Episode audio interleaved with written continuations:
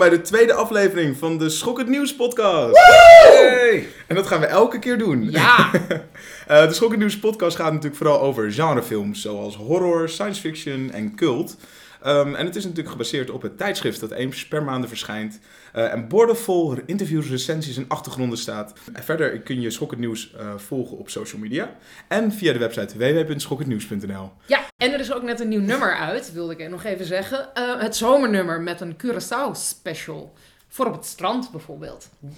Lekker zomers. Mm -hmm. dat, de warme stem die jullie zojuist hoorden is van Basje Boer.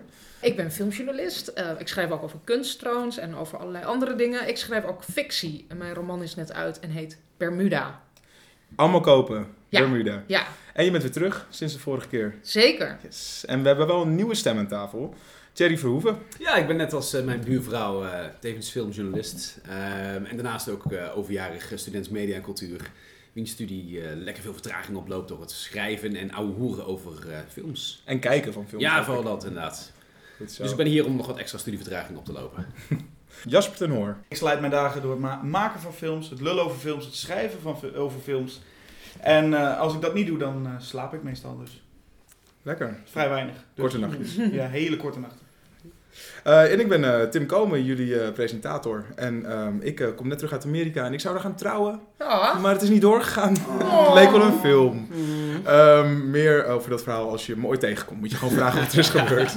maar ik kom inderdaad net terug uit Las Vegas en LA. En ik, ben er, ik ben er gewoon weer. En we yes. kunnen weer beginnen. ja. Basje, wat ligt er al in het verschiet? Ja, wat gaan we nu doen? We hebben twee columns. Eén van Hedwig van Driel. die gaat dit keer over Tarzan. We hebben een column van Erik van het Holt over muziek, zoals gebruikelijk. We gaan het hebben over Steven Spielberg. En uh, we hebben gast, Tonio van Vught, van de Haarlemse Stripdagen. En tenslotte gaan we vooruitblikken op uh, twee aan, aankomende films, namelijk Ghostbusters en Independence Day Resurgence. Maar eerst... Eerst het rondje, het wekelijkse rondje, maandelijkse rondje, van wat we allemaal hebben gezien. En um, laten we het eventjes lekker een beetje door elkaar heen gaan schoppen. En we beginnen gewoon even bij onze nieuwe gezicht, Cherry. Wat heb jij gezien? Um, ik heb gezien An American Werewolf in London van uh, John Landis. Een classic. Uh, ja, klaarblijkelijk. Uh, ik heb hem nog nooit eerder gezien. ik sprak laatst wat andere mensen van Schokkend Nieuws. En toen kwam de conversatie op een, deze film. En toen zei iemand dat het toch wel een verplicht kijkvoer was voor elke Schokkend Nieuws lezer of schrijver. Heb jij hardop bij Schokkend Nieuws mensen toegegeven dat je American Werewolf in Londen Nee, nee ik, ik, ik, ik, zweeg in alle toonaarden. Oh, ik, ik dat leek mij wel zo verstandig. Ja, en zeker. in mijn hoofd Weggeslopen maakte ik, en precies, thuis meteen ja. het schijfje in de dvd-speler. Uh, er is een maand of twee overheen gegaan, maar uiteindelijk uh, heb ik het wel, heb ik, ben ik er werk van gaan maken. Was het de moeite waard? Uh, het was zeker wel de moeite waard. Um, al ben ik ook weer een beetje um, verdeeld over de film. hij werkt wel redelijk, um, maar het is een soort van balans tussen horror en comedy. En ja, het werkt enigszins en het werkt ook allebei net weer niet goed genoeg. Dus het is, het is een beetje een, een lastig film. Ik weet niet zo goed wat ik ermee aan moet. Een harig filmpje. dat sowieso. Ik zou iedereen echt aanraden om gewoon echt te gaan zien. Ik bedoel, hoe vaak zie je films met Rick Baker met zijn transformatie? Oscar gewonnen, dat ziet er fantastisch uit. En een film waarin in nachtmerries uh, weerwolf nazi's iedereen overhoop schieten. en rottende mensen in een soort van bioscoop. Het, ja, het is wat mij betreft echt... Een... Rottende mensen in een soort van bioscoop. Het is een pornobioscoop. Een pornobioscoop. Ja, dat ja. was ongetwijfeld de beste scène uit de hele film. Daar heb ik me het, meer, het meest mee vermaakt. Waarom dan? Is het gewoon grappig of is het ook heel eng? Uh, vooral morbide grappig. Ja, heel... Um, Krankzinnig. Ja, absurd. Een beetje, een beetje Sam Raimi-achtig bijna. Heel... Um, ah. Heel bijzonder. Uh, dit is een scène waarin iemand uh, die dus een weerwolf is, zijn en haar, uh, slachtoffers uh, ziet in de, in de rijen naast hem. En zij vinden er op hun eigen Britse manier, leveren zij het commentaar uh, op wat hun overkomen is. Hm. Prachtige scène. Um, jammer dat er niet meer van dat soort scènes in de film zitten. Nou, ik kan alleen maar zeggen, als je deze film nu gezien hebt, ga die andere weerwolffilm uit dat jaar, The Howling, ook kijken. Dus die heb je nog niet gezien, toch? De, de, de, die moet ik net ook nog. Nou, daar staat niet bij deze nu op je lijstje. Dus als je straks thuis komt, moet die de DVD-speler in. Een 1981 Weerwolf Double Bill. Absoluut. en heb je nog eens een recent gezien ook? Uh, ik heb Warcraft gezien. Ah. Ook een harig filmpje. Uh, Zo'n beetje, ja. orks? Orks, toch? Volop orks. en wat, was, uh, wat vond je ervan? nou, je kunt mijn recensie lezen op de website. Ehm, Ah, reclame. Ja, daar ben ik. Welke website? Schokkennieuws.nl. Lees maar- de recensie van Thierry Verhoeven. Hoeveel, eh, hoeveel schedeltjes gaf je Warcraft? Eh 3,5 Ja. van de 5. Dus, het is wel, ik, was, ik was namelijk positief. Ehm, ik weet niet of dat is omdat ik echt hoopte op een goede film. En dat ik ehm, dat redelijk uit zag komen. Of dat, het, eh, ehm, of dat ik iets anders bedoelde. Eh, maar ik, ik, was, ik was redelijk overtuigd. Ik, eh, hij is heerlijk bizar en heerlijk vreemd. En ik, ik kan het volkomen begrijpen als je er niks aan vindt. Want het is echt een, een bijzondere, rare film. Maar ik, ik, ehm, ik waardeerde wel hoe eh, deze film echt balls to the wall ging. En ik, ik keek er eigenlijk stiekem wel een beetje naar uit, want ik zag de trailers en dacht ik, oh, dit is helemaal niks voor mij. Maar toen zag ik dat het geregisseerd wordt door Duncan Jones. Ja. Dat is de, niet alleen de zoon van David Bowie, maar ook de regisseur van Moon en Source Code. Ja. En dat is maar, is het een, kan ik kun je het een beetje nee, ik vergelijken met zou, ik zou niet te veel met die mindset naar deze film gaan. Het is een heel ander soort film geworden.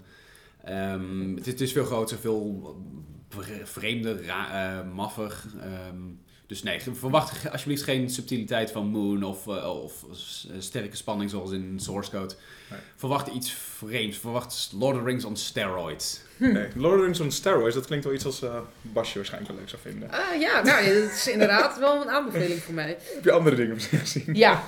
Eh, ben Wheatley is echt een van mijn favoriete regisseurs van het moment. Eh, Britse regisseur, eh, is nog niet heel erg lang bezig, maar maakt ongeveer jaarlijks een film. Zoals Kill List is natuurlijk zijn doorbraak bij nou ja, ons publiek, zeg maar. En, maar daarvoor maakte hij al Down Terrace, wat ook een zeer geslaagde misdaad comedie, of een brute film ook eigenlijk, was.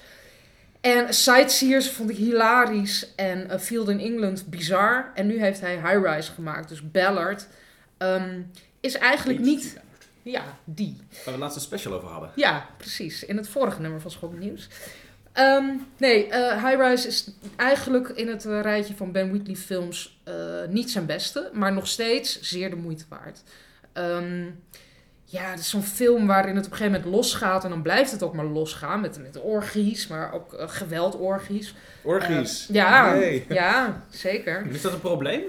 Eh, nou, op een gegeven moment wordt het wel een beetje problematisch, omdat het ook niet meer ophoudt. Of, Ik- Ja. Orgies die niet meer ophouden. Ja, ik, ik dacht dat je nooit genoeg een- orgies kon hebben. Ja, nou, ik vond het in deze film wel zo. Ehm, En Ja. ook al kennen jij en ik elkaar nog maar net, Basje, ja, eh, zaten wij misschien wel naast elkaar. Want jij Ja. hebt de film ook in Rotterdam gezien. ja, klopt. Ja, en ook eh, tijdens de, ehm, het, toen het gesprek, het, de inleiding van Ben Wheatley zelf was en een nagesprekje. Ja, Ontzettend leuke man. Super intelligent. Hij zei hele slimme, grappige dingen. Ik weet niet meer wat. Het is allemaal echt eh, heel geslaagd. Ik vond het een hele leuke avond. Heel leuk man. Ja, ja, ik vond de film eigenlijk het minst aan Ja, de avond. ja. Ja. Het was een bijzondere film. Het is een, eigenlijk een beetje een, een, een film die niet helemaal bij hem past. Vind ik. Hij is best wel Nee. rauw en dit is heel gestileerd en het is, eh, het is heel bizar. En het, en het duurt lang, vond ik. Ja. ja, het gaat te lang door. Toch die orgie die te lang doorgaat. Toch die oor niet eraan Ja. gaat. Nee, en ik heb nog een film gezien ehm, die ik eh, echt heel erg geslaagd vond. The Nice Guys van Shane Black. Ja, Heerlijk. heerlijk. Ja, een hele fijn. Het is eh, een actiecomedie, eh, zou je het kunnen noemen. Maar eigenlijk doet dat de film ook niet helemaal recht. Het is heel eh, rauw. Het is, niks is gratuit in die film. Het is allemaal, eh, het is heel veel naakt, maar, maar een beetje naar naakt. En, en geweld is, is ook niet prettig. Het is allemaal, het, heeft, het geeft ook commentaar op wat het laat zien. Ik vond heel, de toon heel geslaagd. Het zegt dat hardboiled, maar dan ook weer commentaar op dat hardboiled. Nou, ik ben er nog niet helemaal uit. Ik vond hem echt heel erg geslaagd en ga hem gewoon zien voordat hij uit de bioscoop gaat. Het is heel fijn. eh, echt een hele fijne we- wegkijkfilm is het eigenlijk. Hè? Ja, maar toch bleef je toch ook een beetje haken in Je mijn moet wel gedachten. intelligenter... eh, Ja, en het is ook wel echt weer anders dan andere films die ik heb gezien. Behalve, eh, hoe heet die? Eh, Kiss Kiss Bang Bang, ook van Shane Black. Want het is gewoon eigenlijk weer precies dezelfde film als die film. Maar ja, eh, maak er nog maar één eh, Shane Black, want eh, dat smaakt naar meer. Jasper, wat, Ja. is, eh, wat is op jouw radar verschenen? Ik heb niks gezien met orks of met orgies, maar ik heb eh, iets gezien met demonen. Eh, ik heb de film gezien Fire City End of Days. Nu zie ik jullie meteen kijken met, oh die Ja. Oh, Ja. Ik ken hem wel. Jij kent hem wel hè? nou, dat is, eh, nee, het is het regiedebuut van eh, Tom Woodruff Jr. Ja, En dat is een, eh, een, een grote naam in de make-up. Creature design, als je daar een beetje van bent, dan komt die naam ongetwijfeld bekend voor. Terminator was de eerste film waar hij aan meewerkte.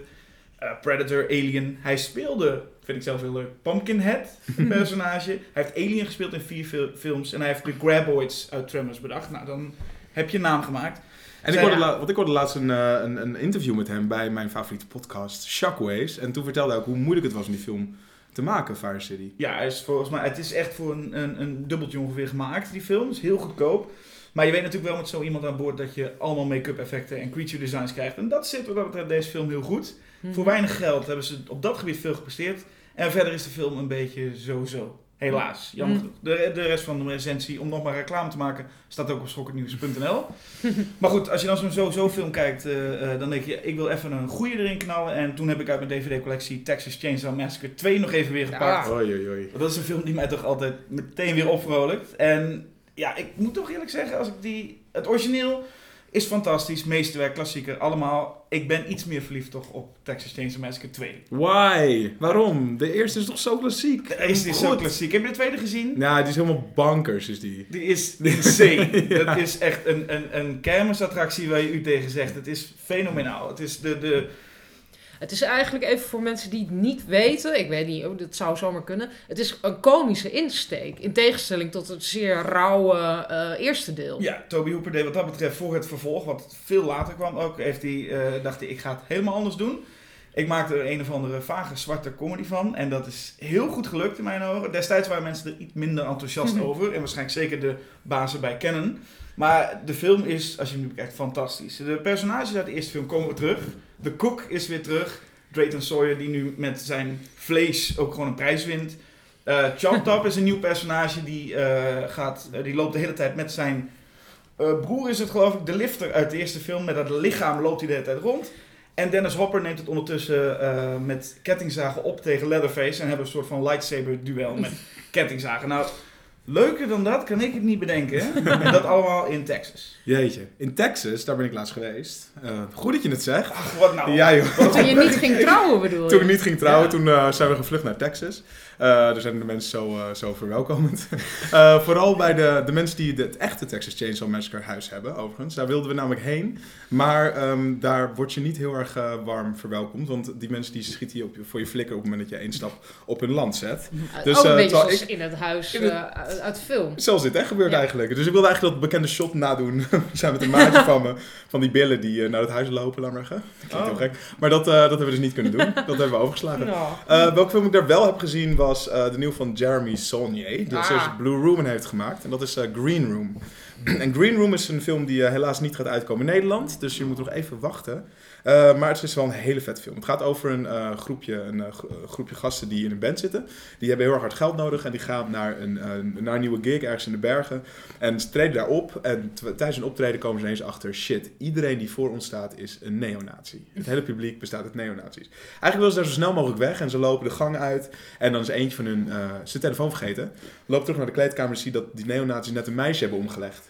En vervolgens eh, worden ze ingesloten. Ze worden in die kamer opgesloten. Aan de ene kant van de deur staan de neonazis. En aan de andere kant staat het, eh, dat onschuldige groepje bandleden. En ze, zij moeten die kamer uit zien te komen. En die neonazis willen hun dood hebben. Ja. En het is eh, echt nagelbijtend. Het is anderhalf uur en het is ontzettend rauw realistisch. On- ontzettend goed. Een van de beste films die ik denk het de afgelopen jaar heb gezien. Ja. En heb je niet eh, professor Xavier als neonazi? Ja, als hoofdneonatie heb je Patrick Stewart. Het Die het echt-. Ongelooflijk, ja, hij is altijd ontzettend kaal.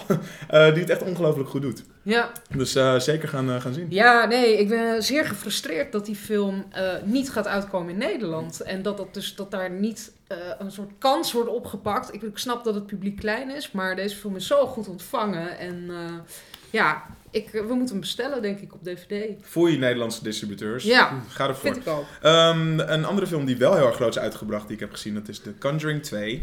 Ja, Ehm, hoe en is dat, die? eh, ja, ik vond het wel aardig. Ehm, het heeft een beetje dezelfde probleem als The Conjuring 1, namelijk dat het stijl, die Ed en Lorraine Warren, dat Mhm. die Ghost Hunters waar het allemaal om draait, die zijn gewoon hartstikke saai. Ik Ja. vind ze gewoon echt ontzettend, ik vind ze niet leuk om naar te kijken. Die Lorraine vind ik een eh, hysterisch wijf, die overal maar loopt te janken. Eh, die Ed Warren vind ik ontzettend een beetje een nietsnut en die, eh, die doet ook niet zo heel veel in die film. En de film duurt dus twee uur en een kwartier, wat voor een horrorfilm Ah. veel te lang is. Dus halverwege de film dan hebben zij nog niet eens dat gezin ontmoet die, ehm, die bespookt wordt. Maar dat is gewoon veel te lang. Eh, verder vind ik wel dat James Wan zich weer eh, prima laat zien dat hij eh, dat die scare scènes absoluut onder de, onder de duim heeft. Ja. Onder de knie heeft, niet onder, Onder de de duim. onder ja. de. Ehm, maar zijn dramaregie is wel erg over de top. Dus ehm, jammer, niet zijn beste film, Nee. maar een aangename film. Maar voor the record, hij is wel beter dan die spin-off Annabelle. Annabelle, daar heeft volgens mij niemand het meer over. En eh, dat is ook maar goed. ook, Laat dat zo houden? Ja, laat het zo houden.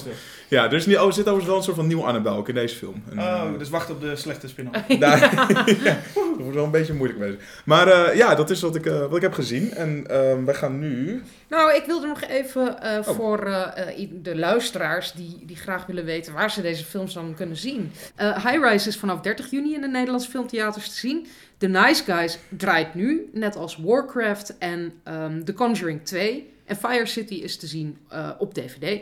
En Green Room is nooit te zien. Nee, Oh. We gaan nu snel verder met ehm, eh, als eerste de column van Hedwig van Driel. Maar daarna schrijft ook Tonio aan. En hij is de artistiek directeur van de Haarlemse Stripdagen. Die zijn net achter de rug, dus ik wil graag van hem weten hoe het was. Dit is Hedwig met Blast from the Past. Tarzan de Apenman bestaat al ruim een eeuw. Sindsdien verscheen hij in tientallen films, inclusief een Disney-versie, een versie met Christopher Lambert, zelfs een parodieversie, George of the Jungle. De allereerste filmversie dateert uit 1918 en nu, bijna 100 jaar later, is er een nieuwe versie op komst, The Legend of Tarzan, waarvoor Alexander Skarsgård flink wat spiermassa heeft gekweekt. Als dat intrigerend eh, klinkt, vanaf 7 juli in de Nederlandse bioscoop. Een van de bekendste vertolkers van Tarzan was de Olympische zwemmer Johnny Weissmuller. Die heeft in maar liefst 12 Tarzan-films gespeeld, gemaakt tussen 1932 en 1948. In The Blast from the Past het dit keer hebben over eentje daarvan, specifiek de tweede, Tarzan and His Mate. Tarzan and His Mate is gemaakt in 1934 en dat is een heel belangrijk jaar in de geschiedenis van Hollywood. Precies kwam hij uit op 16 april van dat jaar. Dat is net op tijd, want vanaf 1 juli moesten alle films goedkeuring krijgen van de Motion Picture Producers and Distributors of America, de MPPDA, dus de voorloper van de MPAA die er nog steeds is. De MPPDA keek of de film voldeed aan de Production Code of America, een lijst van wat er allemaal wel en niet mocht in film. En ja, Tarzan en his mate was denk ik voor die test niet geslaagd. Mensen denken soms dat de neiging van Hollywood om films vol te proppen met actie en seks nieuw is. Nou, die mensen moeten Tarzan en his mate maar eens kijken. Even een korte samenvatting van wat daarin te zien is. Eh, Tarzan bereidt een olifant en voert een hele kudde olifanten aan. Tarzan bevecht een leeuw en een neushoorn. Tarzan worstelt met een alligator. Eh, de neushoorn achtervolgt een aap. En die aap, die heet Cheetah, die bereidt een struisvogel alsof het een paard is. Oh, en dan worden er nog zwarte inboorlingen bij bosjes afgeslacht. Dat is een gedeelte dat ze wel mogen updaten voor de nieuwe versie. En dan is er nog de beruchte zwemscène. Even het plot van de film samengevat. Uh, in de film proberen twee, we zullen ze maar beschaafd noemen, beschaafde mannen, Jane terug te lokken naar de samenleving. En hoe doe je dat? Een vrouw teruglokken? Nou, met mooie jurken natuurlijk. Ja, 1934 zullen we maar zeggen. Het werkt, Jane doet verrukt een avondjurk aan. En de volgende ochtend gaan Tarzan en Jane zwemmen. Hij heeft alleen zijn lendendoekje voor en Jane, nou Tarzan die rukt heel symbolisch haar jurk, dat laagje beschaving van haar af. En dan volgt een prachtig onderwaterballet dat uh, helemaal niks aan de verbeeldingskracht overlaat. Nou, al die zwarte inboorlingen die naamloos het leven lieten, konden de sensoren niet zo heel veel schelen. Maar die zwemscène, die zat ze dwars. En die werd daarom op veel plekken gecensureerd. Dankzij Ted Turner kunnen we gelukkig nog steeds de oude versie nu kijken. En wat dan opvalt is hoe onschuldig het is. De naaktheid is gewoon natuurlijk, helemaal niet pornografisch. Eigenlijk is een eerdere scène waar we alleen Jane in silhouet zien terwijl ze zich omkleedt, wat door die twee mannen bespied wordt. Ja, die scène is eigenlijk veel gewaagder. Nou, films zoals Tarzan en His Mate, die net voor die production code zijn gemaakt, worden vaak pre-code films genoemd. En ja, je kan aan die films wel vaak zien waarom ze dachten dat censuur misschien mooi zou zijn. Want mensen durfden steeds meer. Nou, Tarzan en His Mate is een zo opmerkelijke pre-code film dat hij opgenomen is in het Nationale Filmregister van het Amerikaanse Congres. Schrijver Edgar Rice Burroughs, die ook de John Carter boek schreef, was niet zo tevreden met de verfilming. Want zijn Tarzan die was uh, ja, iemand die zichzelf ook had leren lezen en die ook in de Britse maatschappij kon functioneren. Niet de dommige I Tarzan, Jane primitieveling die we zien in deze film en in alle films met Weissmuller. Ja, het lijkt erop dat in dat opzicht de nieuwe versie wat trouwer is. Want we zien daar Alexander Skarsgård ook in mooie kostuums rondlopen. En in dat opzicht zal het dus een wat trouwere aanpassing zijn. Toch hoop ik heel erg dat ze ook ja, ruimte maken voor momenten zoals een aap die op een struisvogel reed. Dit was Blast from the Past. Terug naar de rest van de podcast. Ja, van het oerwoud en Tarzan naar eh, misschien wel de bekendste regisseur aller tijden ter wereld. En eh, een regisseur die echt al vele generaties eh, aanwezig is. Met films zoals Jaws en Indiana Jones en Jurassic Park. Ehm, en ik kijk nu even rond en volgens mij zijn wij allemaal ongeveer op één iemand na. van de generatie Jurassic Park. Zeker. Eerste bioscoopervaring. Eerste bioscoopervaring, hoe was dat? Overweldigend. Ja? Het was ook echt in een state-of-the-art bioscoop. En ja, om dan Jurassic Park te zien als, nou, volgens mij een zevenjarig jongetje, tamelijk overweldigend. Ja, want ik denk dat nu heel veel, eh, voor, voor een nieuwe generatie, gaan ze natuurlijk nu naar de BFG binnenkort. Dat is zijn, is zijn nieuwe film. En dat is ook waarom we Spielberg de- deze keer bespreken. Eh, en hij heeft een enorme lijst aan films, dus ja, waar moeten we beginnen? We hadden het er net al even over, buiten de, buiten de uitzending. Maar Basje, jij hebt een eh, idee. We beginnen met E E.T. Met E.T. E.T., eh, de eerste film waarbij ik ooit heb gehuild. Ah. Ah, vooral als hij grijs wordt. Ik bedoel, dat is toch hard, hartverscheurend. Ja. Maar vroeg of laat worden we allemaal grijs. Dat is waar, maar E.T. was het echt nog te vroeg voor. ja. Dat was niet Maar- zijn tijd. Welke versie van E.T. heb jij dan gezien? De eerste versie of de, de 20... eh De gekuiste versie. Niet de Walkman of de, Dus de, walkie-talkie versie. versie. Nee. Wat was dat dan? Wat was het Ze verschil? hebben de, later de, de film nog een keer uitgebracht en alle pistolen zijn vervangen door walkie-talkies. Ah. Dus je ziet Dat dan scènes, getrokken je ziet daar scènes waarin ze een walkie-talkie getrokken hebben en dan, ja, Ja. dat is verschrikkelijk. Dan hebben ze digitaal hebben ze het aangepast naar de hand. Ik dacht daar zijn ze later ook weer op teruggekomen. Dus bij de meest recente Blu-ray uitgave hebben ze alsnog weer de originele versie uitgebracht. En de gekuiste versie lekker in het archief laten verdwijnen. Misschien is het wel dan de meest bewerkte en begeleide film. Want ik heb laatst een pornoversie van E.T. gezien. Wat? Heb je die ook al gezien? Ja, dat, Nee. Wauw. dat is echt De dat extra verscheurt je testicle? kinderdroom. Ja, Ja, daaraan. ja nou, dat, is, ja, dat was ergens... de eh, extra je ziet... eh, dingen. En wat hebben ze daar veranderd in, internet. eh, in walkie-talkies? ehm, zijn penis. En ze veranderd in een walkie-talkie. Nee, grapje. Ik weet niet. Het was vooral een hele, een hele disturbing ervaring. Nou, dat kan ik me wel voorstellen. Hoe kwam je erbij? Niet om het onderwerp veel te spannen, maar ik ben hier wel heel nieuwsgierig naar. Hoe kom je erbij om te denken... Ik, ik was ergens op een feestje en toen ging het ineens rond. En het, was een, eh, het is een videoclip ook. Tenminste, de versie die ik heb gezien was ook een videoclip. Een hele rare, Nou, grungy band. En ja, dan zie je E.T. eh, met een dame in bed. eh, toen heb je ook gehuild weer. Ja, ook weer gehuild. hè? Eh, naakte vrouwen. Nee. Ehm, Oké. Twee E.T. minuten en het ging over porno. Ja, ja, we zijn eh, van orgies naar porno gegaan. Ja. Ehm, E.T. eh, is eh ja, concept voor iedereen, denk ik. Ja, zeker. Minder klassiek, maar ik vind hem zelf erg goed. Minority Report. Ja, ik, dat is zo'n kriskras door het... ja. Tonio is inmiddels aangeschoven. Die Hmm. ben- praat al mee. Die gaat nu iets meer vertellen over Minority Report. Nou ja, ik, ik, het klinkt alsof ik hier de Spielberg-expert ben. Maar ik vond een, een ja, dat, maar dat is de kracht van eh Steven Spielberg, is dat hij ehm, eigenlijk altijd onderhoudende eh, films maakt. En het was een Philip K. Dick eh, verfilming, als ik het wel heb. Ja. En Philip K. Dick ben ik de laatste tijd zelf gaan lezen. Ik ben begonnen met zijn short stories. Ik heb het, de boek, het boek niet gelezen waar het film gebaseerd is, maar ik kan me zo voorstellen dat het nog redelijk dicht bij de bron lag. In tegenstelling tot bijvoorbeeld Total Recall, wat, wat gebaseerd is eh, op eh, een kort verhaal van Philip K. Dick, waar alleen het grondidee in, in, in, in verankerd ligt, maar waar Paul Verhoeven een, een complete film van 2,5 uur heeft gemaakt. Minority Report voelt wel als... als als, eh, ik, nogmaals, ik kan me vergissen, het voelt wel alsof hij Maar- trouw is aan de... Ja, de- ik vind dat dus juist niet. Want aan de ene kant is Total Recall is natuurlijk heel erg soort van eh, ja, een soort opgeblazen film Ja. een beetje. En dat Mhm. is niet Philip K. Dick. Maar aan Nee. de andere kant, het gaat, de hele Total Recall gaat over een soort, eh erva een soort eh, ja, hoe noem je dat? Een ervaring waarbij je niet weet of het echt is of niet. En dat is zo Philip K. Dick. Twijfel aan En dat- realiteit. Ja, en dat zit niet in Minority Report. En ik vind het een uitstekende en zeer Ja. vermakelijke Spielberg film. Ja. Maar niet per se een Philip K. Dick film. En dat vind ik niet erg. Die, die moet nog gemaakt worden. Die is gewoon nog niet gemaakt. Vind ik. Eh, Ja, die film van eh Richard Linklater misschien. Scanner Darkly. Scanner Darkly. Ja, die heb ik niet gezien. Hmm. Maar even terug over Minority Ja. Report. Wat Ja. wel interessant is daaraan, is dat hij is uit 2002, dus nu 14 jaar oud.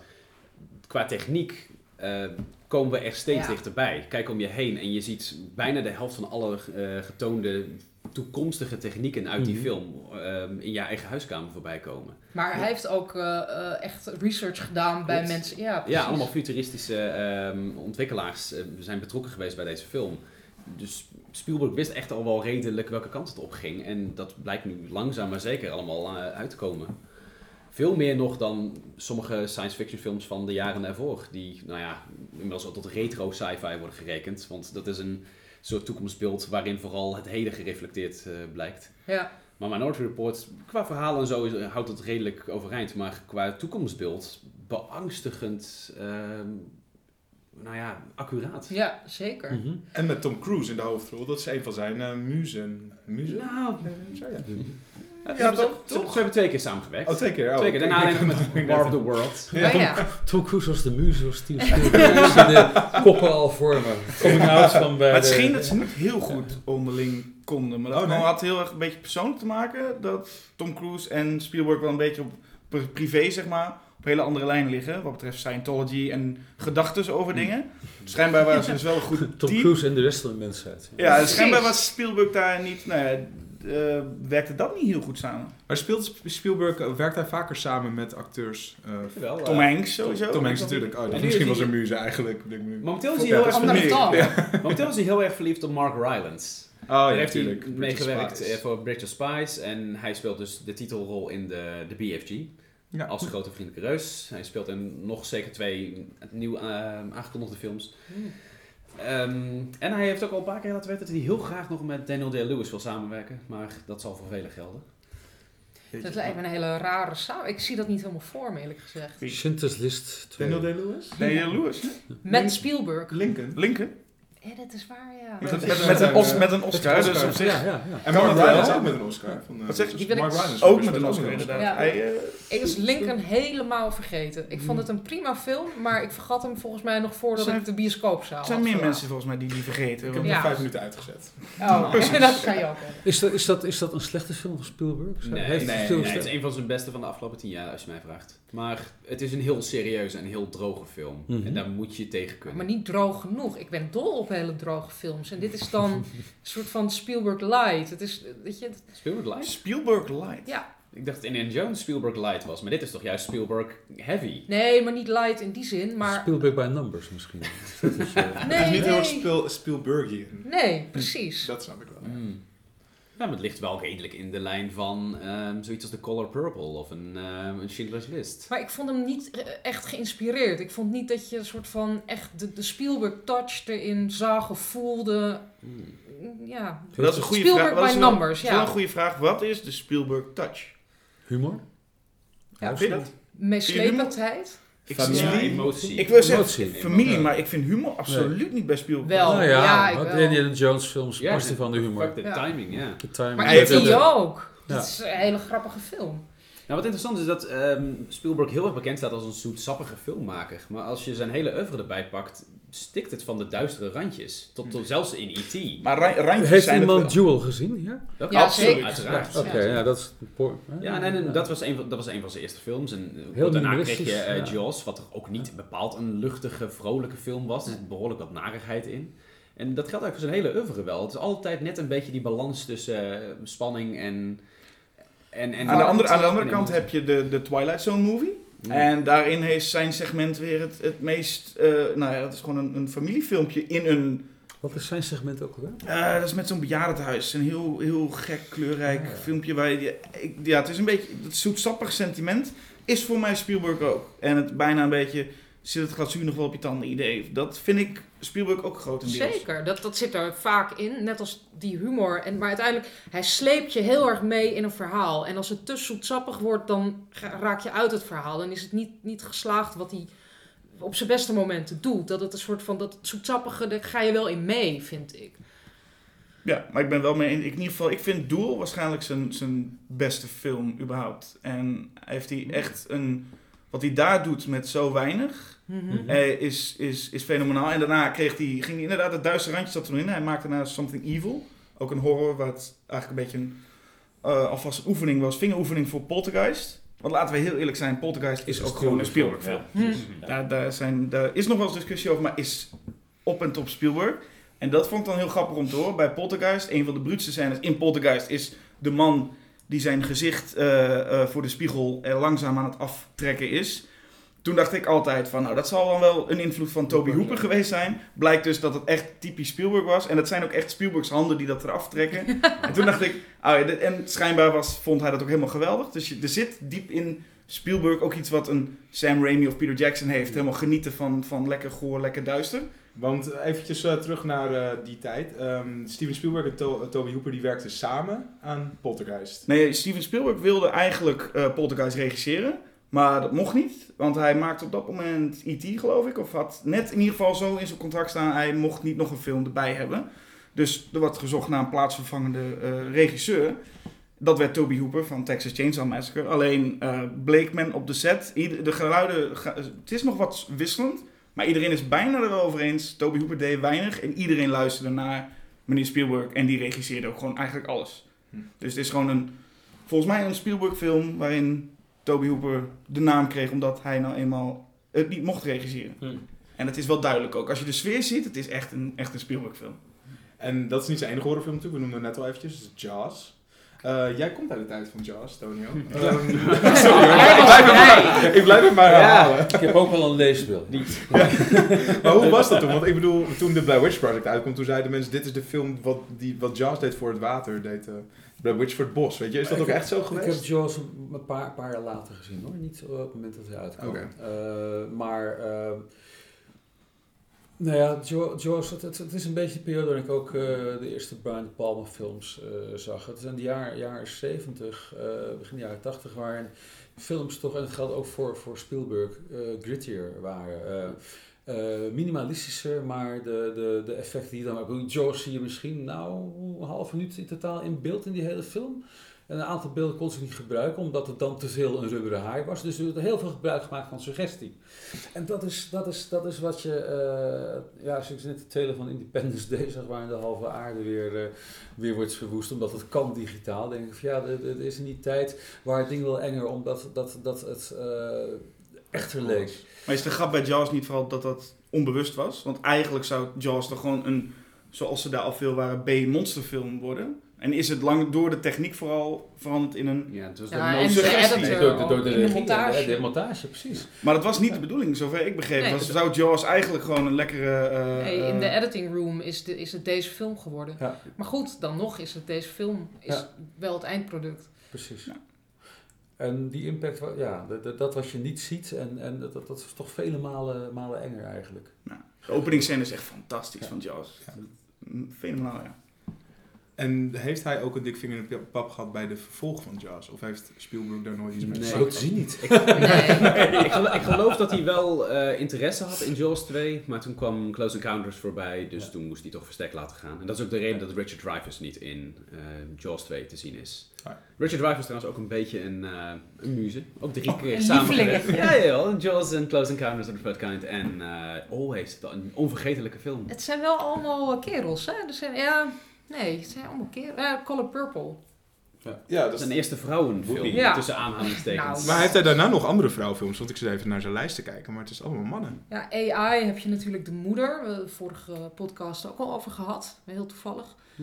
Ehm, Hij heeft zijn eigen vrouw gehad in Temple of Doom. Ja. En dat is iets waar, wat, wat niet zo heel goed uitpakt in mijn ogen in ieder geval. Vertel. Nee, dat- ze waren nog niet samen op dat Ze waren nog moment. niet samen. Ah, die, Over welke vrouw hebben we het nu? Ja. Eh, eeuwig- Capshaw. Ja, eeuwig- Kate Capshaw is het geloof ik. Die, die eh, inderdaad waar die mee... Is hij er nog mee getrouwd? Jazeker. Hij is er nog mee getrouwd. Maar dat is heel bijzonder, want die vrouw die schreeuwt de hele film bij elkaar. Het is een verschrikkelijk irritant... Heb je het niet gezien, Temple of Nee. Doom? Uiteraard. Oh, het is, het is ja, heel, het, heeft wel iets hoor, Temple of Doom. Het is een lekker duister, gek filmpje, maar... Het ding is ook wel, zij behoort ook irritant te zijn. Dat is wel haar hele Maar karakter. het is zoveel, het is zoveel dat je, je... Ik neem niet aan dat de kijkers echt op een gegeven moment zodanig een hekel aan haar moesten hebben. Of ze had... Kill her off! Daar had iets ergs met haar moeten gebeuren, maar dat gebeurde dan ook weer niet. The Jammer. problem with her is the noise. Zoals Indiana Jones het Ja. moment zegt. Ja, maar hij gaat er toch voor uiteindelijk, toch? Het wordt wel zijn... Ik, ik was zo Bij- blij bij- dat... Maar ze zitten midden in de Indische jungle, dus ja, zoveel keuze heeft hij natuurlijk ook weer niet. Nee, hij- nee, dat is waar. Maar goed, het was eh, verschrikkelijk, toch? Ik Dat ga nog even een titel noemen. Indiana Jones and the Kingdom of the Crystal Skull. Oei. Oh, Uh-oh.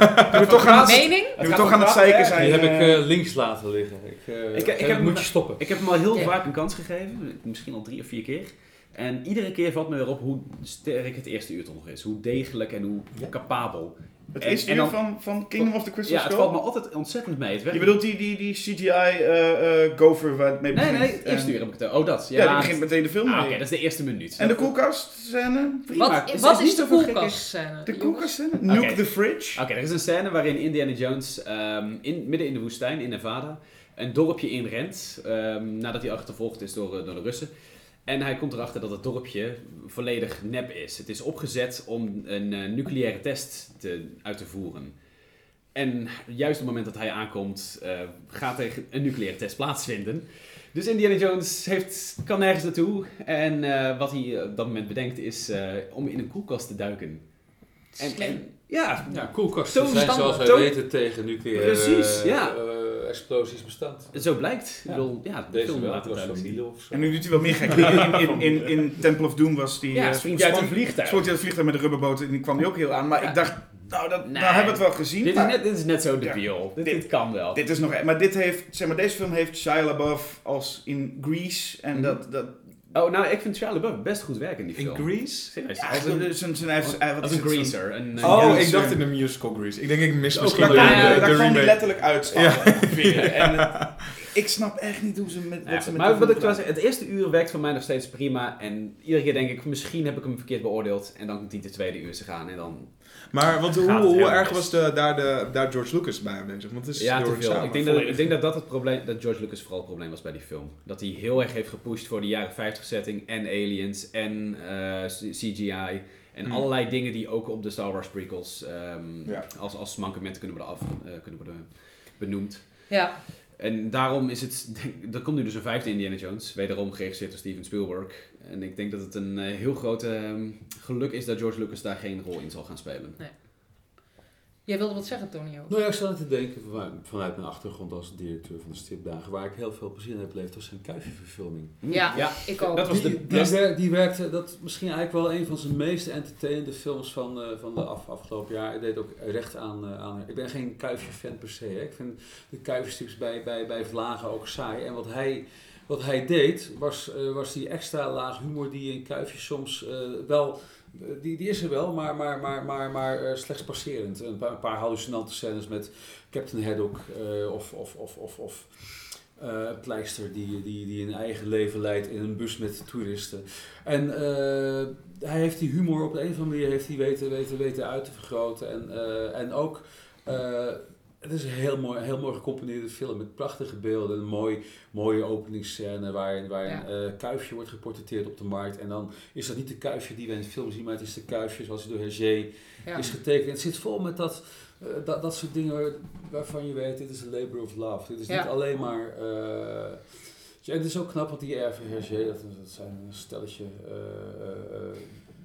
nou, die zijn feestelijk mensen om mee te werken. Geld, ja, geldgrijs, maar ook, ook, ook vreselijk eh, eh, moeilijk om mee te werken. Die beschermen kuifje gewoon eh, eh, middels allerlei eh, eh, eh, clausules en een lege advocaten. En het is Spielberg toch gelukt om zijn eigen stempel op die kuifje-erfenis te En, en drukken. hoe dan? Heeft hij, hoe heeft hij hen overtuigd? Nou, ik denk dat dat, dat is Spielberg Geld. gewoon heel, ja, hij is natuurlijk heel groot. Ik bedoel, die, die RVC Ja. wist ook wel dat het geld zou opleveren. Maar desalniettemin, het is, eh, ja.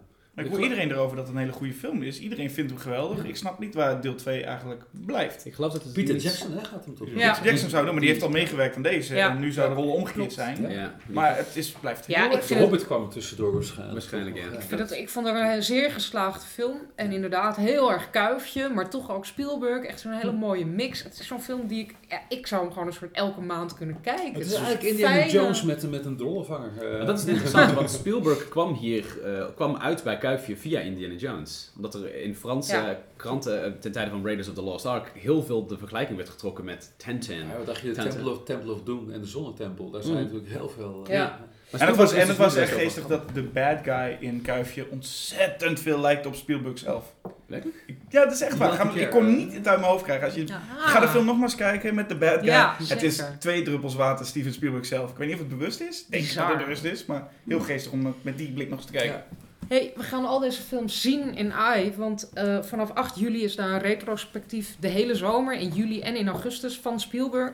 Ehm, en dan is dit allemaal te zien en nog veel meer, ook een soort van aanverwante Spielberg-films. We kunnen helemaal losgaan.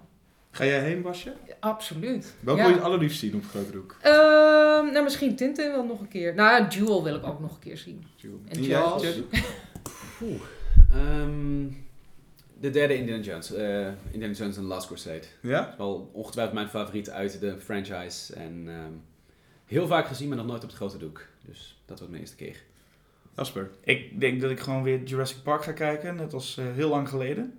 Die nog een keer zien, dan niet in 3D, want dat was die laatste ook in 3D, hè? Een paar jaar geleden. Ja. Dus ik ga hem nu eens een keer in 2D weer kijken. En ik denk de eerste helft van War of the Worlds, en dan ga ik heel snel de bioscoop uit. ja, precies.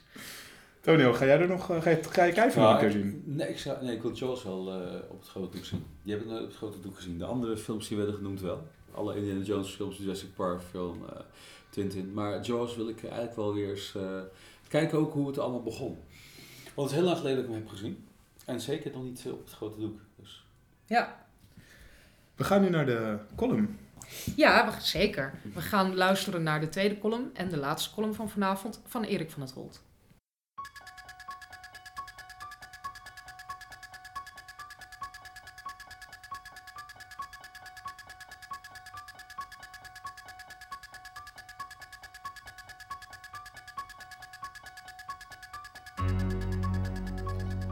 Het is mede dankzij het bekende deuntje van John Carpenter dat je nu hoort dat elektronische filmmuziek, met name in horrorfilms, eind jaren 70 zo populair werd. Maar al ver hiervoor en zelfs voordat de eerste analoge synthesizer in de jaren 60 op de markt kwam, experimenteerden filmmuziekcomponisten met elektronische klanken. Een mooi voorbeeld hiervan is de theremin of theremin Fox, een bizar instrument uitgevonden door de Rus Leon Theremin in 1919. De theremin wordt bespeeld door de afstand tussen de handen en twee antennes te variëren. De klank zit ergens tussen een viool en een gillende sopraan en lijkt misschien nog het meest op een zingende zaag. Een van de eerste componisten die de theremin gebruikte was de Russische componist Dmitri Shostakovich in zijn muziek voor onder andere Otna uit 1931 en Podrugi uit 1936. In Hollywood was de ijle klank van de theremin voor het eerst te horen in de muziek die Miklos Rosa componeerde voor de door Salvador Dali ontworpen droomscène in Spellbound van Alfred Hitchcock. Maar het instrument wordt nu vooral geassocieerd met de science fiction films uit de jaren 50, zoals The Thing from Another World en The Day the Earth Stood Still, waarin de theremin gebruikt werd om een buitenaards sfeertje te creëren.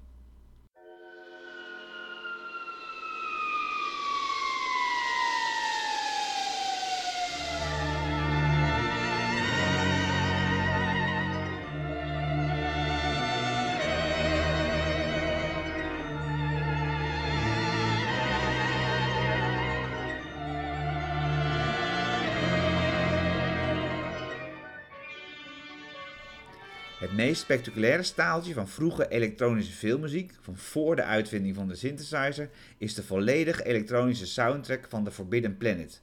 Gecomponeerd, of liever gezegd in elkaar geknutseld door het echtpaar Louis en Bebe Barron. The Forbidden Planet is een science fiction film uit 1956 van regisseur Fred M. Wilcox en is losjes gebaseerd op het toneelstuk The Tempest, de storm van William Shakespeare. De crew van Starship C-75D, onder leiding van commandant John Adams, gespeeld door een piepjonge Leslie Nielsen, moet achterhalen wat er gebeurd is met de leden van een expeditie naar de afgelegen planeet Altair 4. Ze ontdekken dat alleen wetenschapper Edward Morbius en zijn dochter Altera nog in leven zijn. Oorzaak van alle ellende is het gepruts van de arrogante Morbius met eeuwenoude machines achtergelaten door de kruil, uitgestorven buitenaardse ras, waardoor een monster uit zijn onderbewuste tot leven is gekomen. De producenten hadden het echtpaar Barron afhankelijk alleen ingehuurd om buitenaardse geluidseffecten te creëren, maar waren zo onder de indruk van hun soundscape dat ze de Barrons vroegen om de rest van de film van een vergelijkbare soundtrack te voorzien. Louis en Bebe Barron waren bekende pioniers op het gebied van elektronische muziek. Hun werkwijze leek in de verste verte niet op die waarop muzikanten vandaag de dag elektronische muziek maken. Het was ouderwets knip- en plakwerk, waarbij ze geluiden voortgebracht door een zelfgebouwd elektronisch circuit, een zogenaamde ringmodulator, opnamen op tape en vervolgens de stukken tape verder bewerkten en achter elkaar plakten. Niet alleen de producenten, maar ook het publiek en filmrecensenten waren destijds behoorlijk onder de indruk van de elektronische soundtrack van Louis en Bebe. Maar niet iedereen was even enthousiast. Doordat de Barons geen lid waren van de vakbond voor muzikanten, moest hun credit gewijzigd worden van Electronic Music by Louis en Bebe Baron in Electronic Tonalities. Een term die wat mij betreft eigenlijk veel beter past bij hun droomachtige soundscape.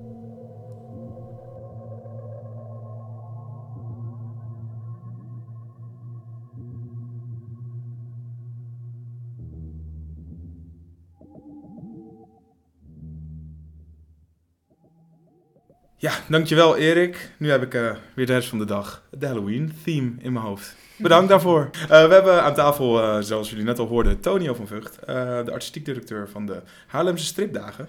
En die zijn net achter de rug. Dat klopt. Een monsterproductie van eh 10 dagen en alle maanden daarvoor. Nou, 30.000 bezoekers. We weten de cijfers nog niet, maar als ik afga op het aantal bezoekers aan de hoofdexpo. we hadden in een week hadden we al het aantal bezoekers wat we twee jaar geleden in een maand hadden. Dus als een kleine indicatie is, zijn we wel ver boven de 30.000 bezoekers eh, uit. We hebben heel veel geluk gehad met eh, media eh, coverage en het mooie weer. En ik denk dat mensen ook wel extra benieuwd waren naar wat de nieuwe directeur zou gaan doen. We hadden een heel mooi hoofdthema over de underground, underground in beeld, waar een paar hele mooie expos en lezingen en, en, en, en, en eh, andere eh, eh, zaken uh, aangeleerd. Bezoeken van eh, Amerikaanse underground tekenaars aan, aan Nederland. Onder wie de roemruchte Mark Diana, die ooit in de jaren 90 is veroordeeld voor, zijn, voor het verspreiden van obscene werk. Hij was, hij was bij jullie? Of Hij was, ja, hebben hij was, hij was gast. Eh, bijzonder. ja, zeker. Wat hele- was zo obscene aan zijn werk? alles. Dat maar niet, niet iets zeg maar, wat je serieus moet nemen. Het is een hele, hele, hele zwarte satire. En de eerste, eerste pagina's van het verhaal weer al baby's eh gekliefd en mensen Ah. geskullfucked. En, en zeg maar alles wat je, wat je maar, maar eh, in een soort stijl eh, à la Keith Haring en heel naïef getekend. En de slachtoffers die dan met tekstboontjes van sop, sop, zo. Snik, snik, snik als ze werden, werden, werden, werden verkracht of, of, of vermoord. Het was allemaal heel ironisch. Maar hij had de pech dat, eh, dat eh, er was een, een, een, een serie eh, moorden eh, in Gainesville in Florida, eh, waar hij eh, toen woonde, eh, had, had plaatsgevonden. En eh, er waren duizenden verdachten trouwens. Eh, dat is echt bizar gewoon, weet je wel. Dat narrows it down. De duizenden verdachten. Bij een van die verdachten werd, eh, werd, werden boekjes van Mike eh, aangetroffen. En toen kwam Ja. hij een beetje onder, het, eh, onder de aandacht van justitie. Dus is hij opgeroepen om bloed eh, te testen. Want eh, we dachten, als iemand zulk werk maakt, dan moet hij zelf ook wel... eh, helemaal pervers zijn. Maar hij had helemaal niks met die zaak te maken. Maar hij is toen onder de aandacht gekomen van het Floridaanse justitiële apparaat. En is overijverige sheriff. Die heeft onder valse voorwensen nieuwe boekjes bij hem besteld.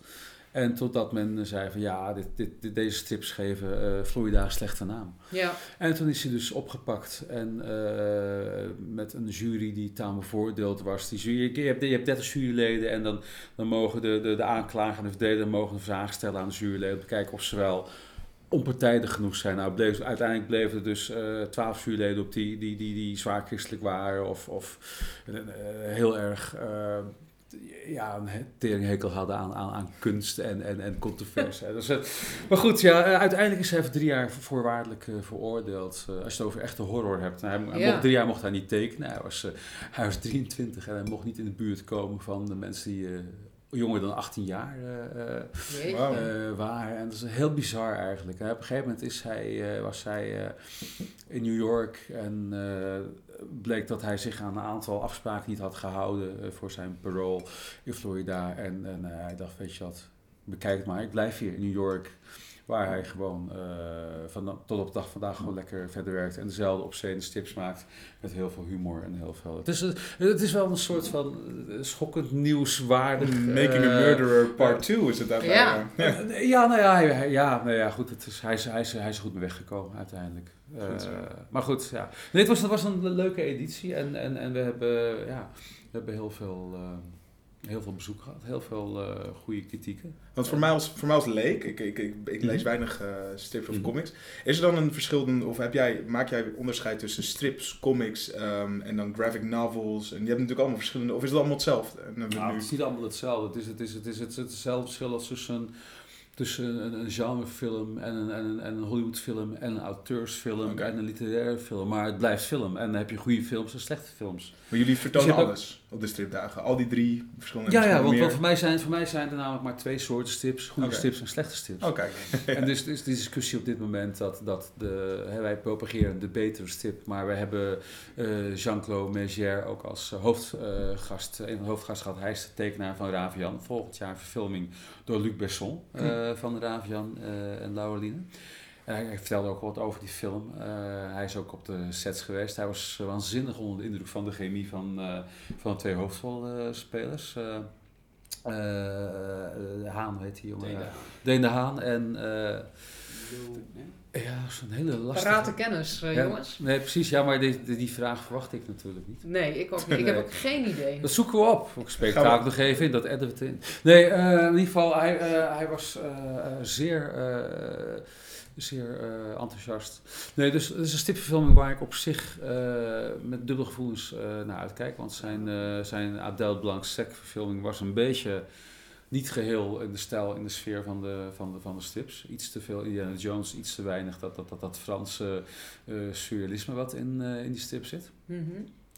Maar goed, dat wij wel hadden dus, waar ze nu het over Adele Blanc-Sec hebben. Wij hadden een film ook van eh, Tardy. Althans, eh setdesign en, en, en, en, en, en eh, de hele ontwerp door Tardy.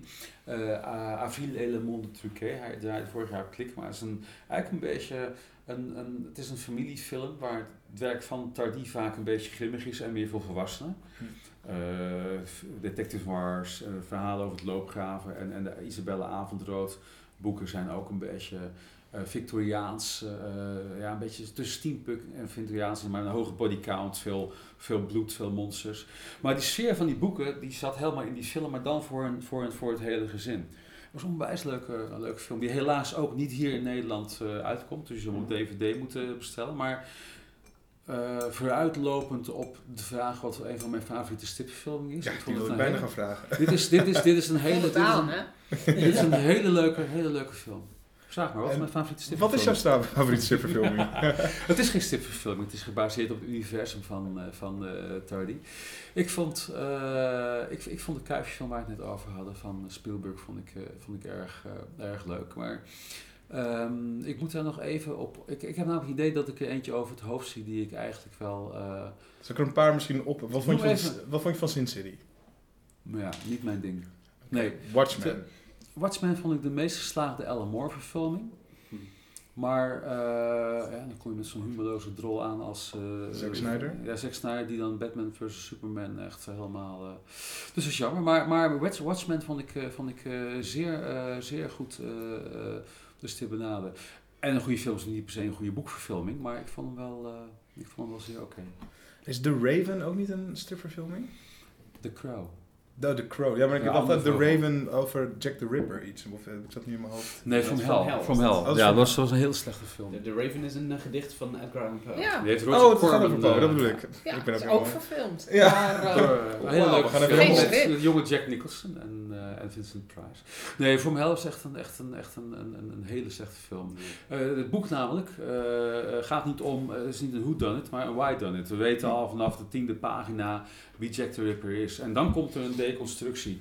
En dan, dan, dan, dan krijgen we, dit wordt ook niet veel maar, of in het, sorry, in het boek wordt er ook, ook op een hele, een hele bijzondere manier met tijdslagen geschoven. Eh, die eh, chirurg van, eh, van Queen Victoria, die dus Jack the Ripper is, heeft ook visioenen. En hij, hij, hij is momenten kwijt. En op dat, dat moment ziet hij, krijgt hij dus visioenen van, van, van, van de toekomst, waarin in de zeden nog losser zijn. En En hij is, hij is totaal van de, van de pot gerukt. Eh, De, de film From Hell is een, eh, is een whodunit. Dat is het gewoon inderdaad. eh, Wie heeft het gedaan? Uiteindelijk Niks komt met een strip te maken. Niks met een strip. Johnny Depp redt het meisje. En het meisje gaat in de, de, de boek, eh, in de, de graphic novel gewoon hartstikke dood. Is een van de slachtoffers van Jack the Ripper die het niet overleeft. Hm. In de film redt Johnny Depp het meisje.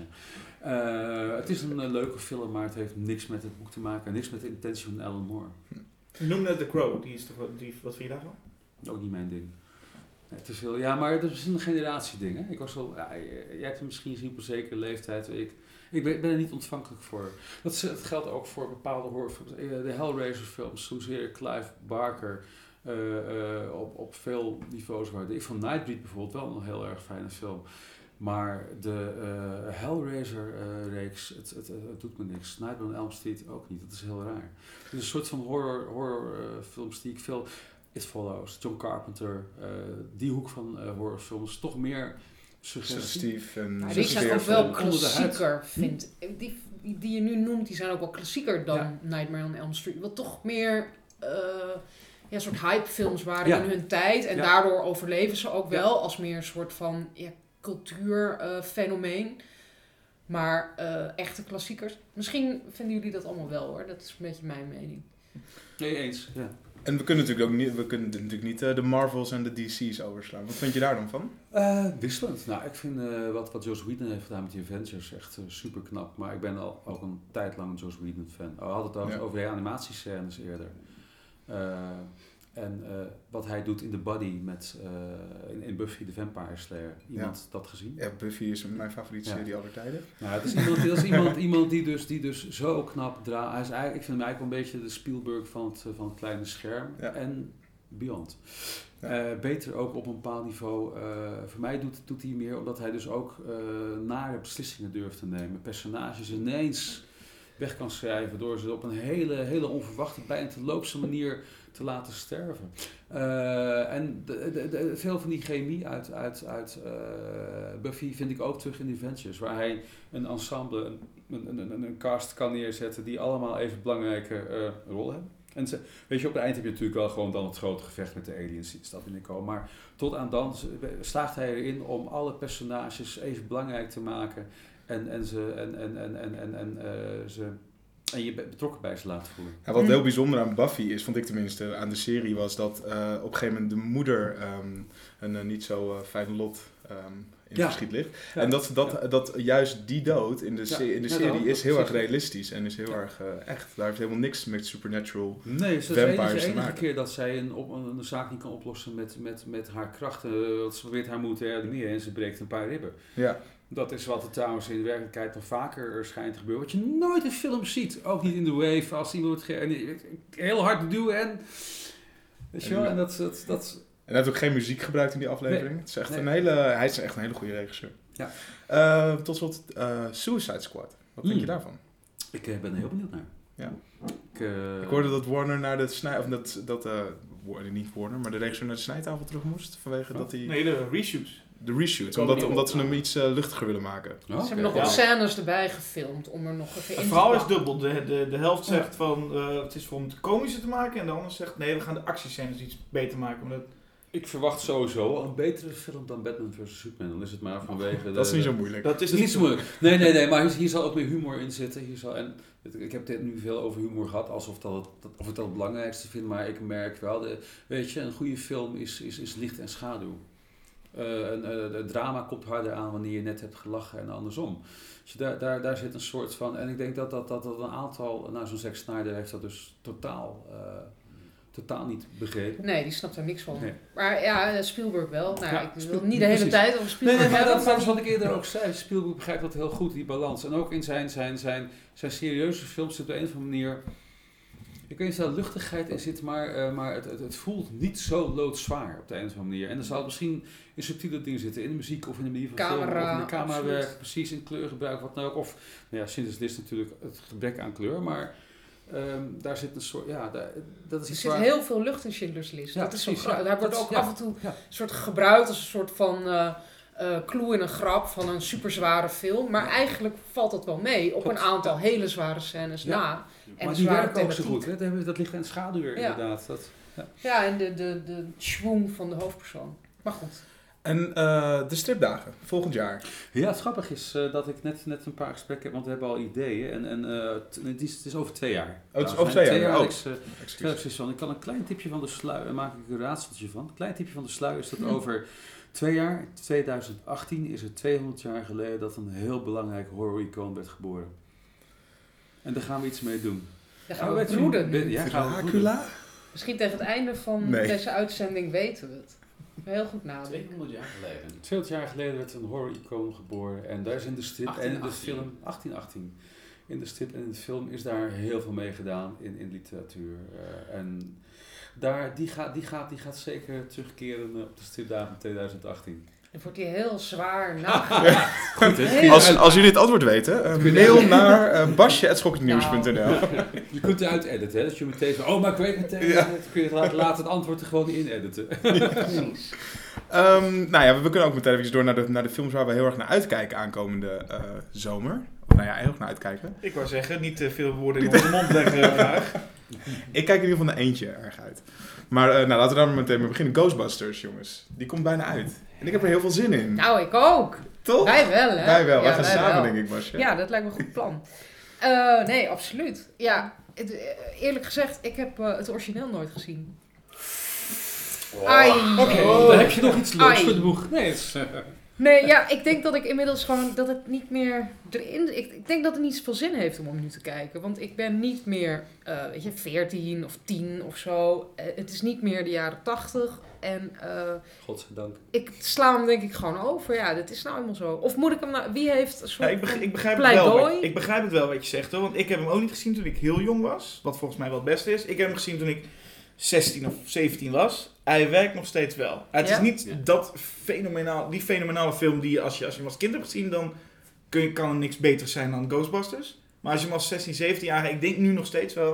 ik ben hij is- 36, hè? Ja, maar dan 36. nog steeds. Ik, Hij valt genoeg te genieten hoor. ja, ik wou zeggen, hij valt Bill, nog steeds. Bill, het, is, een- het is een film met Bill Murray, what's not to like? Dat is waar. Wil maar op zijn best, notabene. Ja, ik bedoel... Back off, man. I'm a scientist. En nu krijgen we de film met Kristen Wiig. En zij is misschien wel de hedendaagse. Bill Murray. Ja? Ja, niet, ineens heel erg stil. Nee, ik probeer gewoon een klein beetje waarom die zure sokken tegenover me. En dan heb ik het over Cherry en Jasper. Zo ontzettend geen zin hebben in zo'n film. Nou, ik- terwijl ik er toch wel een... Ik, ik sta er onverschillig tegenover. Ehm, Oké. ik, ik, een, een remake van Ghostbusters is wat mij betreft gewoon een, een slecht idee. Maar dat komt meer omdat het eh, destijds een heel interessante speling met, met genres was. Ja. En een, een eh, directe remake daarvan, met of zonder genre swap, ehm, heeft maar mij betreft niet echt kans van slagen. Gender swap. Het, het, Of dat gender- hele genre. genre Zij swap. swapt ook. Wat zei ik? ik, ik Je zei zei genre swap. Oh, excuseer. Nee, ge- eh, gender swap bedoel Maar dat ik. maakt dus eigenlijk niet zo heel veel uit. Nee, zeg je? Nee, nee, nee, zeker niet. Dus dan- Ehm, ja, ik had het leuk gevonden als ze andere actrices hadden gecast in plaats van eh, het gebruikelijke Paul Feig clubje. Waarom? Ehm, Er zitten een paar actrices in waar die normaal niet mee werkt hoor. Nee, dat klopt. De, het zijn alleen eh, Melissa, McCarthy. En, en eh, Kristen Wiig waarmee die eerder heeft samengewerkt.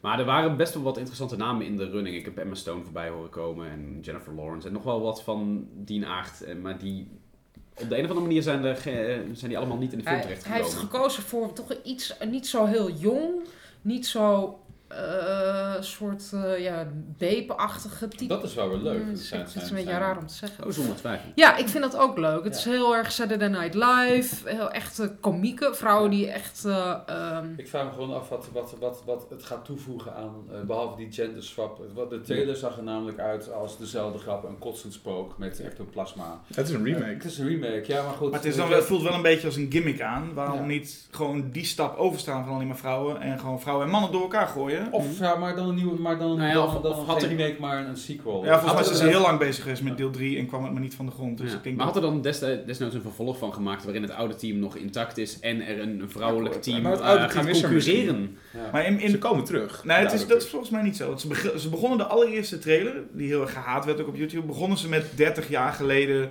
gebeurde er dit en dit. En toen dacht iedereen ook, wow, het is een vervolg. Dit is ook echt gebeurd. Maar daar zijn ze van afgestapt. Of in ieder geval, dat is überhaupt niet zo. Ja. Schijnbaar is het echt een volledig nieuw verhaal. Dus wat we nu Oude krijgen boot. is gewoon Bill Murray die even een, een, Een knipoog- cameo. een knipoog geeft en weer weg is. Dat iedereen zegt, hé, hey, die ken ik. En We dat, weten het nog niet. we weten het nog niet. Maar het punt is wel, en ik, ik, die hele eh gender swap, het maakt mij allemaal helemaal niks uit. Dat ik, die hele discussie vind ik ook maar een beetje gestoord. Maar het gaat mij vooral om de trailer, daar moeten we hem op baseren. is totaal niet grappig. Nee. Ik vind hem vooral ontzettend irritant. Ja. Die grappen en de timing in die trailer is verschrikkelijk.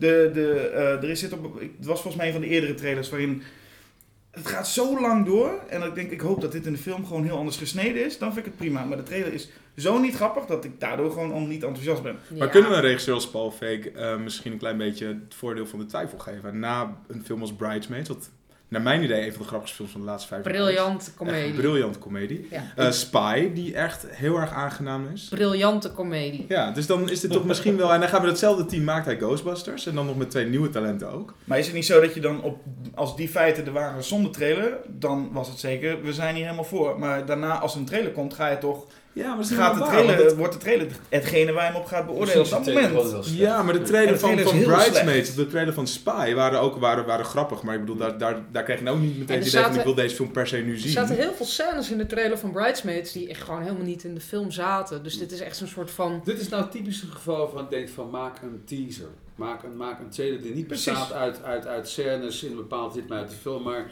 doe iets geheimzinnigs en dan blijkt aan het eind dat de Ghostbusters terugkomen en dat het vrouwen zijn. Toen de Ja, eerste terwijl trailer het is een startte, soort had je van- dat, dat, dat theme, die kleine pingeltje van Ja, de Ghostbusters. Toen dacht ik nog even van, oeh, dit wordt nog wel interessant. En daarna kwamen alle grappen. En ik heb het idee dat de helft van de grappen al in de trailer zitten. En het is gewoon, dat maakt het slecht. Ja. Verder dat het vrouwen zijn, nou, helemaal prima. Nou, ik, ben, weten- ik ben iets minder enthousiast over Paul Feig, maar ik, ik, ik waardeer zijn films goed genoeg. En een Amerikaanse filmjournalist die tweette laatst interessant dat eh, Paul Feig er een beetje een carrière van heeft gemaakt om ehm, beproefde concepten over te doen met vrouwen. Dus de, ja. De hangover. Bridesmaids is een soort hangover, Ja, maar dan met vrouwen. The Heat is een buddy cop film, maar dan met vrouwen. Spy in een dito. En dat zijn nogal eh, duidelijk afgebakende genrefilms. En dan dus met, met een vrouwelijke cast. Ghostbusters is niet zo'n film. Ghostbusters is iets veel eh, uniekers in zijn soort. Er zijn niet Ghostbusters-achtige films. Ja, Had hij gewoon een horror, had hij een horrorcomedy moeten maken met vrouwen, dan had het wel Ja, als, het, als is het niet nu, is het- specifiek. nu wordt het gelinkt aan Ghostbusters met dezelfde titel, dezelfde muziek. Al- Als we op de trailer mogen afgaan, dezelfde logo, dezelfde setting. Het is weer Ja. in New York, het is weer met bovennatuurlijke verschijningen. Ja. Had het dan volledig anders gedaan? Was naar een andere stad gegaan? Was naar Maar andere orde geweest? Misschien is deze film niet voor Ghostbusters fans, maar voor fans van Paul... Paul ik weet nog steeds Paul niet hoe je... Feig. Paul. Feig. Hmm. En eh, dat, zo iemand ben ik. Ik kijk gewoon uit naar de nieuwe Paul Feig en niet per se naar de nieuwe Ghostbusters. Ik denk dat anders, als je, wat jij zegt, anders zou het zijn... Kom, we gaan naar de film van Paul Feig, die Ghostbusters rip-off. Dan kun je het volgens mij beter gewoon maar Ja. Ghostbusters noemen. Want anders gaan we liever naar de remake van Ghostbusters dan naar de rip-off van Ghostbusters, denk ik. Hmm, nou, weet ik niet. Zeg- zet het dan naar je hand en maak er iets eigens van. Maar dan had hij echt totaal iets anders inderdaad moeten maken. Maar als hij een film had gemaakt over in Los Angeles en vier vrouwen die eh, spoken gaan jagen, dan... En hij noemt het niet Ghostbusters, dan weet iedereen... Oké, oké. Dit is Ghostbusters. Touché. Ehm, het wordt ook zo door de zomer van eh, de, de, de Hemsworths. Hemsworths. Hemsworths. Hemsworths. In Ghostbusters zit... Chris. En in Independence Day zit Liam. Independence Ja. Day Resurgence. Resurgence. Resurgence. Dan hebben we het nu, dus nu niet over een remake, maar over een sequel. Een hele late sequel. 20 jaar. Ongelooflijk. Geen Will Smith. Dit is nou precies een film waar ik niet naar uitkijk deze zomer. Weet je wat vooral de vraag is? Waarom Independence Day? Wie zag ooit... Ik snap dat Roland Emmerich die film wil maken, want die heeft niks te doen. En die wil die graag doen. Maar wie zat er verder te wachten op Independence Day 2? Wie Maar dacht dingen bij... gaan kapot, dat Wie- zeg je toch? Wie zag, gaan nou bij, kapot. wie zag nou bij die film van... Oh, dit einde, hier moet een vervolg. Ik, ik zou het echt niet weten. Ik voel het ook helemaal niet. Net, het is ook weer zo ongeïnspireerd. Ik heb, ik heb inderdaad het gevoel dat niemand erop zit te wachten. Dat niemand er zin in heeft. Ook al gaan er dingen kapot. Dit, dit is een typisch ver- eh, verplicht vervolg. Net zoals we onlangs eh, Ja. Alice Through the Looking Glass hadden. Dat is een Ja. film die, Maar die destijds heel meteen... succesvol was. Ehm, maar nu vijf jaar later eigenlijk aan niemand nog besteed is. Iedereen is er wel klaar mee. Maar Vooral we moeten Johnny wel, Depp. want het was destijds zo succesvol. We moeten er eigenlijk wel een vervolg op maken. Maar het, het had ook gewoon niet gehoeven, toch? Nee, precies. En, en het was ook blijkbaar eh, zijn ze er heel lang afhoudend in geweest, de makers, eh Ronald Emmerich en zijn eh, vaste partner Dean Devlin. Maar uiteindelijk vonden ze Wie is toch die een Dean Devlin? Wat doet hij? eh, producent en schrijver, als ik me niet vergis. Want Roland Emmerich die is nu weer de regisseur. Ja, Oké, inderdaad. dat had ik nog geen. Het is wel interessant, want Roland Emmerich heeft natuurlijk na eh, de eerste Independence Day er een soort van carrière van gemaakt eh, in grote eh, eh, rampenfilms. Je hebt Was, die, die, die, die eh, eh, ijswereldfilm eh, daarna? Na 2012, Day The of Day After, After Tomorrow. Die was heel aardig. Ja. Ja. Maar 2012 vond ik echt... Oh, Ja, ik had er zo'n zin in. Ik zat echt klaar met Oei. mijn popcorn. Ik vond het vreselijk. Helemaal de verkeerde toon.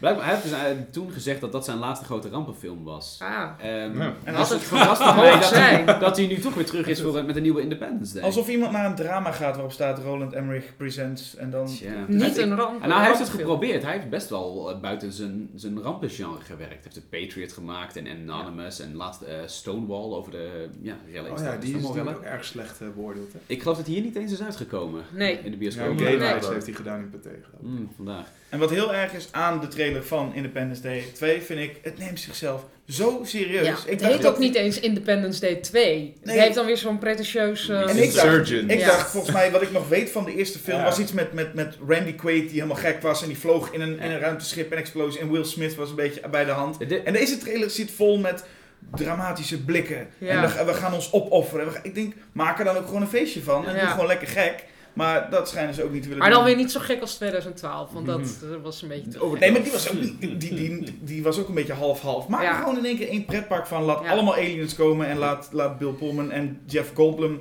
Wie gaat Bill, Bill Pullman en Jeff Goldblum nog serieus nemen nu? Dat doet Maak er een? Mars Attacks van. eh. Precies, maak een Mars Maak Attacks, een Independence Day van met vrouwen in Oh. de hoofdrol. Ja, dat is dat. Oh, Dat was leuk geweest. ja. Ja. Je had de film aan Paul Fick moeten geven eigenlijk. Ja, ja, precies. ja. En dan, en dan Ghostbusters aan Roland Emmerich. Ja. ja. Is Oh. wat er was gebeurd. Bloedserieuze Ghostbusters. Oh. De eerste, de eerste Independence Day, nu dus 20 jaar oud, is best wel een curieus eh, a- filmartefact eigenlijk. Het, het, ehm, het heeft namelijk de toekomstige, de huidige blockbuster heel erg gedefinieerd. Als je kijkt naar hoe blockbusters, zomerblockbusters er nu uitzien, zijn ze heel erg schatplichtig aan Independence Day. Ja. Qua, ehm, qua opzet, qua schaal, qua invulling. Maar qua toon eigenlijk niet zozeer. Want het is best wel een fijn, luchtige, relaxed, makkelijk wegkijkende, optimistische film. Met een ongelooflijk optimistische boodschap. Maar daarover misschien meer. Ehm, en dus het gekke de, de- heel veel daarvan is, is doorgevloeid in de huidige blockbuster ehm, genre. Maar niet alles. En dat is volgens mij gewoon omdat het eh, net in midden jaren 90 uitkwam. In een heel optimistische tijd. En wat gebeurde er vijf jaar na deze film? In- 9-11. Dus alles is sindsdien steeds de- naarder en depressiever geworden.